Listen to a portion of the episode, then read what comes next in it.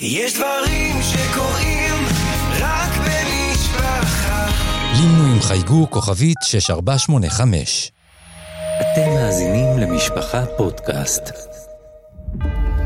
זירת לוחמה ישראל יוסקוביץ' בסדרת אקטואליה יומית עם מפקדים מהשטח ובכירים בדרג הביטחוני והמדיני. היום התשיעי למלחמה, הנשיא ביידן בדרכו אלינו וישראל מגבירה את התקיפה מהאוויר לקראת אולי הכניסה הקרקעית. בתווך ממשל הסיסי מפעיל לחץ על ישראל שתימנע מהרחבת הפעילות, וזאת מחשש שמצרים תוצף במאות אלפי פליטים. איתנו על קו הטלפון האלוף במילואים נמרוד שפר, מי שכיהן כראש אגף תכנון בצה"ל ועד לאחרונה כמנכ"ל התעשייה האווירית, שלום לך. שלום ישראל. לפני שני התפקידים האחרונים שלך היית גם ראש מטה חיל האוויר, זה בעצם הפיקוד העליון של חיל האוויר. אני רוצה לשאול אותך, מהכובע הזה, האם לישראל אין את יכולת אווירית מספיק חזקה כדי ליישם את מטרות המלחמה, שזה מיטוט שלטון חמאס או עיקור יכולותיו הצבאיות בלי כניסה קרקעית? זאת שאלה מורכבת ישראל, לצה"ל ולחיל אוויר בתוכו באופן ממוקד לשאלה ששאלת, יש יכולת מבצעית אה, מאוד מאוד אה, חזקה ומאוד אפקטיבית, כולל לפגוע בדברים שהם מתחת לקרקע ולא על פני הקרקע, כמו המערך התת-קרקעי שיש לחמאס ברצועת עזה. עם זאת, השאלה איך מגדירים את uh, מטרות המלחמה, ואם מטרות המלחמה הם לפגוע בחמאס עד אחרון אנשיו, אז בוודאי שאי אפשר לעשות את זה מהאוויר. אני לא בטוח שצריך להיכנס uh, באופן קרקעי לעזה כדי להשיג את מטרות המלחמה, אבל שוב, השאלה איך הן מוגדרות. תראה, מטרות המלחמה הרשמיות היה אה, לעקר את היכולות הצבאיות, את התשתיות הצבאיות של הארגון. זה אפשרי קרקעי? פשוט אנחנו, אתה יודע, נמצאים בפני דילמה אה, שפה מצד אחד אה, לשלם באובדן חיילים, ומצד שני אתה יכול לפעול כאווירית ולהימנע מכך. אני רוצה להתייחס לעוד משהו שלא שאלת עליו, אבל אני אתייחס אליו בכל זאת. בידי חמאס יש עשרות רבות של אזרחים וחיילים ישראלים חטופים, בני ערובה ושבויים. אני חושב שמה שמדינת ישראל צריכה לעשות עכשיו, בלי להסס ובלי למצמץ, זה להטיל סגר על עזה כמו שהיא עושה, ולהגיד הסגר הזה לא יוסר עד שאחרון השבויים והחטופים יחזור למדינת ישראל. אם מדברים על, אה, על אסון הומניטרי, אז גם מה שעשה חמאס במדינת ישראל הוא אסון הומניטרי, וזה עוד לפני שלילת יכולותיו הצבאיות. אז זה צעד ראשון שאני חושב שמדינת ישראל מוכרחה לעשות, ולא שמעתי איש משרי הממשלה ולא את ראש הממשלה מדבר על זה. בעיניי זו צריכה להיות מטרה ראשונה במעלה של המלחמה בעזה. הדבר השני הוא התמרון הקרקעי. גם פה התמרון הקרקעי הוא כלי במלחמה, ואם אתה יודע מה המצב הסופי של המלחמה, קרי, אני לא רוצה שיהיה איום צבאי מרצועת עזה, אז התמרון הקרקעי בהחלט משתלב בזה, אבל רק אם אתה עושה גם את הצעדים המשלימים. הרי ברור לגמרי שגם אם יהיה תמרון ויושמד כל הארסנל הצבאי של אה, חמאס ברצועת עזה, מה ימנע מהם אחרי חצי שנה לרכוש שוב יכולות צבאיות? אם לא יהיה מהלך משלים, אז כמו שאמרת נכון, אנחנו עלולים למצוא את עצמנו מקריבים לשווא הרבה מאוד חיים. כשאתה מדבר על מהלך משלים, אתה מתכוון על, אה, זאת אומרת, מיטוט ההנהגה המדינית. גם פה אני מדבר על מיטוט ההגנה, ההנהגה המדינית רק אם יש מאחורי זה צעדים נוספים, כי ההנהגה המדינית שהתמוטטה אחרי שנתיים תהיה הנהגה מדינית אחרת. כשיש רעיון ובני אדם יש ברצועת עזה למעלה משני מיליון אנשים, מה ימנע מהם לבחור הנהגה מדינית אחרת? לכן אני אומר שהמהלך כולו, המהלך הצבאי חייב להיות מגובה ומושלם במהלך מדיני שאומר צריך לקחת אחריות מישהו, אני לא מאמין שמדינת ישראל יכולה ורוצה לעשות את זה, לקחת אחריות על רצועת עזה ולוודא שלא יהיה שם כוח צבאי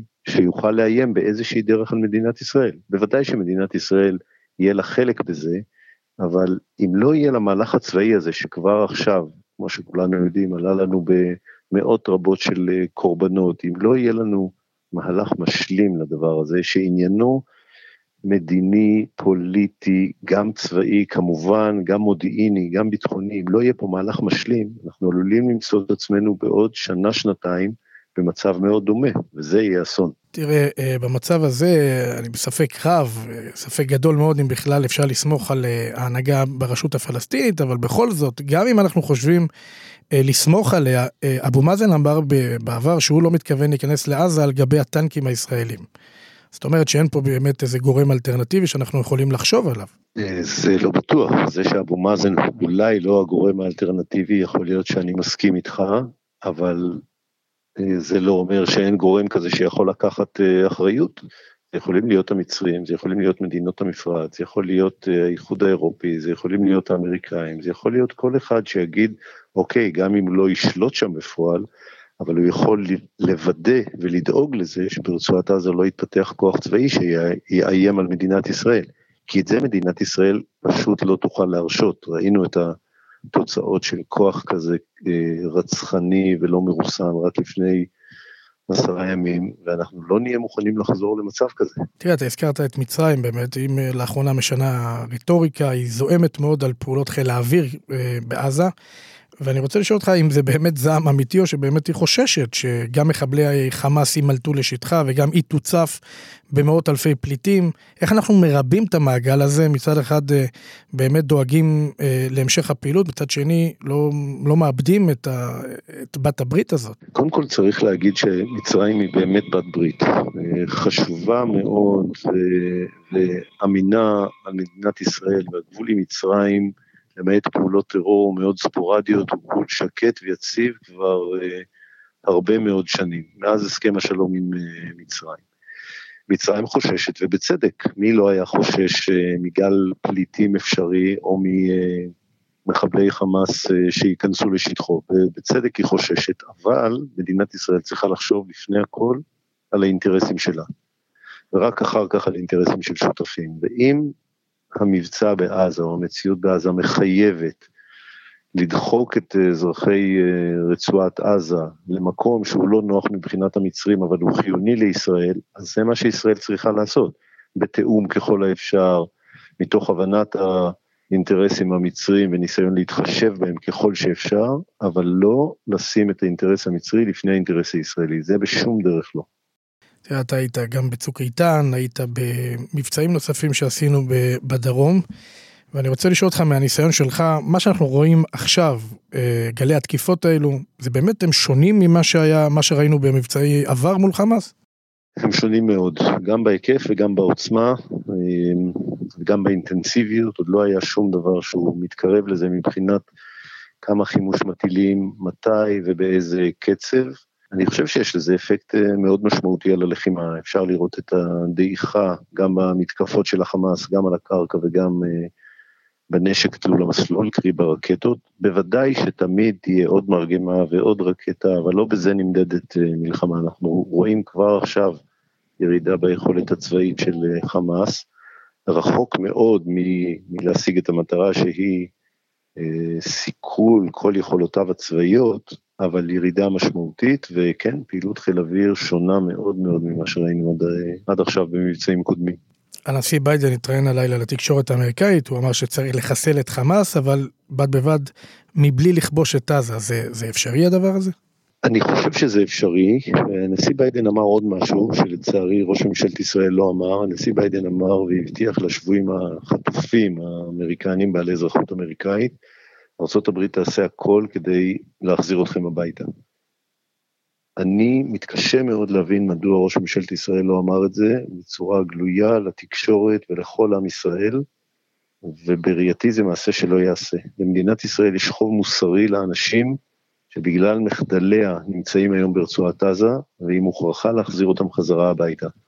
ולשמוע את זה מהנשיא האמריקאי, ולא לשמוע את זה מראש ממשלת ישראל, זה מאוד מאוד עצוב בעיניי, זה מעשה שלא ייעשה, ולכן צריך להפעיל כל לחץ על ממשלת ישראל והעומד בראשה, להחזיר את השבויים והחטופים שמוחזקים היום בידי החמאס, להחזיר אותם הביתה. ויכול להיות שאפשר להיכנס לרצועת עזה בלי לכבוש אותה. לא, לא חייבים לכבוש אותה, אפשר לעשות את זה בדרך אה, מקומית, וכשמדברים על כיבוש זה אומר אוקיי, הגענו, כבשנו, עכשיו אנחנו נשארים פה. אני לא חושב שלמדינת ישראל יש איזשהו אינטרס להישאר ברצועת עזה. וכשג'ו ביידן, אה, זאת אומרת, אה, שוקל, אנשיו אה, מאותתים שהם מתכוונים, שהוא מתכוון להגיע פה לארץ לקראת יום רביעי, חמישי, מה להערכתך המטרות של הביקור הזה? מן הסתם יש שם מטרות מדיניות. כמו שאני מבין את זה, המטרות הן קודם כל להפגין את הברית החזקה עם מדינת ישראל. המטרה השנייה היא להרתיע אויבים פוטנציאליים, קרי איראן, חיזבאללה כמובן בצפון, מלנסות איזה שהם מהלכים התקפיים אה, שיגררו את מדינת ישראל למלחמה בזירות אחרות, ואני חושב שיש לו עוד מטרה, זה להגיד למדינת ישראל, אה, אני פה ואני מצפה שלא תכבשי את רצועת עזה. אה, אני חושב שאלה שלוש המטרות של הביקור שלו. לסיום אני רוצה לשאול אותך, היית מנכ"ל התעשייה האווירית, באמת, גם היא, גם מרפאל, כל התעשיות הביטחוניות חתומות על פיתוחים פורצי דרך מהפכניים ממש. בזכותם אנחנו גם מאוד, אתה יודע, מבוקשים בעולם, נערצים בעולם. אנחנו למשל, לפי פרסומים זרים, גם סייענו לאזרבייג'אן אה, להכריע את המערכה בנגורנה קרבאח, סייענו לשורת מדינות לנצח. וגם אצלנו בבית אגב, הייתה לנו מערכת רוע יורה, מערכות הגנה מתקדמות, מערכות לסיכול באמת רחפנים. בקיצור, אה, באמת אה, סטארט-אפ גם בתחום הביטחוני. אבל ברגע האמת, זאת אומרת, אה, אתה יודע, הכל קרס והמדינה לא הצליחה להגן, ואני שואל אותך, אם מי שאתה יודע, ניהל באמת חברה ענקית טכנולוגיה בתחום הביטחוני, כמו התעשייה האווירית, האם אתה שואל את עצמך, אה, אה, איך יכול להיות הפער הזה? לפני 50 אה, שנה, אולי קצת יותר, כשהייתי ילד צעיר, קראתי ספר של סופר בשם יפרח חביב. השם של הספר היה האדם שבטנק ינצח. ומאז הבנתי שכלי המלחמה חשובים מאוד, אבל חשובים פחות מהאנשים. ומה שהיה פה זה כישלון שמתחיל קודם כל מתפיסה מאוד שגויה של ההנהגה המדינית שלנו, זה החלשה מתמדת של מנגנוני הביטחון של מדינת ישראל, שוב על ידי ממשלת ישראל, ובסופו של דבר גם כישלון צבאי, ללא ספק, שעליו uh, נצטרך, שאותו נצטרך לתחקר וללמוד, אבל כלי המלחמה כולם, ולא משנה כמה חזקים הם יהיו, וכמה גדרות תהיינה גבוהות, וכמה המצלמות תהיינה חכמות, אם הכישלון הוא אנושי, שום דבר לא יכול לתקן את זה. ואני חושב שנכשלנו פה בכל הרמות, מהדרג המדיני, שהכישלון שלו בקונספציה ובהחלשת מערכות, אה, מערכות הביטחון של ישראל הוא כל כך זועק לשמיים, ועד הדרג הצבאי, שגם לו יש כמובן אה, אחריות. הערכה שלך, איזה מילה אופטימית על ה... איך זה יסתיים כל זה? אנחנו הרי, אתה יודע, מצאנו את עצמנו באמת בשבר אמיתי, שבר קיומי אפילו. כן. המילה האופטימית שלי היא, היא הרבה יותר ממילה. אני, כשאני לומד את ההיסטוריה של עם ישראל, הוא עבר משברים מאוד מאוד מאוד קשים, והנה הוא עומד פה אה, על הרגליים, אמנם ספגנו מכה מאוד מאוד קשה, אבל מאחר וזה הבית שלנו ואין לנו בית אחר, אנחנו אה, נדע לקום מהשבר הזה, ואני מאמין ללא צל של ספק להיות טובים יותר. זה ייקח הרבה זמן, ייקח זמן השיקום הפיזי, ייקח יותר זמן השיקום המנטלי, ייקח זמן לשקם את הביטחון העצמי שלנו, אבל אין לי צל של ספק שנהיה אה, טובים יותר ברגע שיסתיים מהלך השיקום ו... והמדינה תחזור לעמוד על הרגליים. אנחנו בעיצומו של משבר, בעיצומה של מלחמה, ולכן תמיד האופק נראה לא בהיר ולפעמים שחור, אבל זה הזמן לעמוד זקופים, להסתכל קדימה ולהבין שהעתיד מוכרח להיות יותר טוב. ואת זה נעשה, כולנו, כל עם ישראל. לחלוטין. האלוף במילואים נמרוד שפר, תודה רבה לך על השיחה הזאת. בבקשה, ישראל להתראות.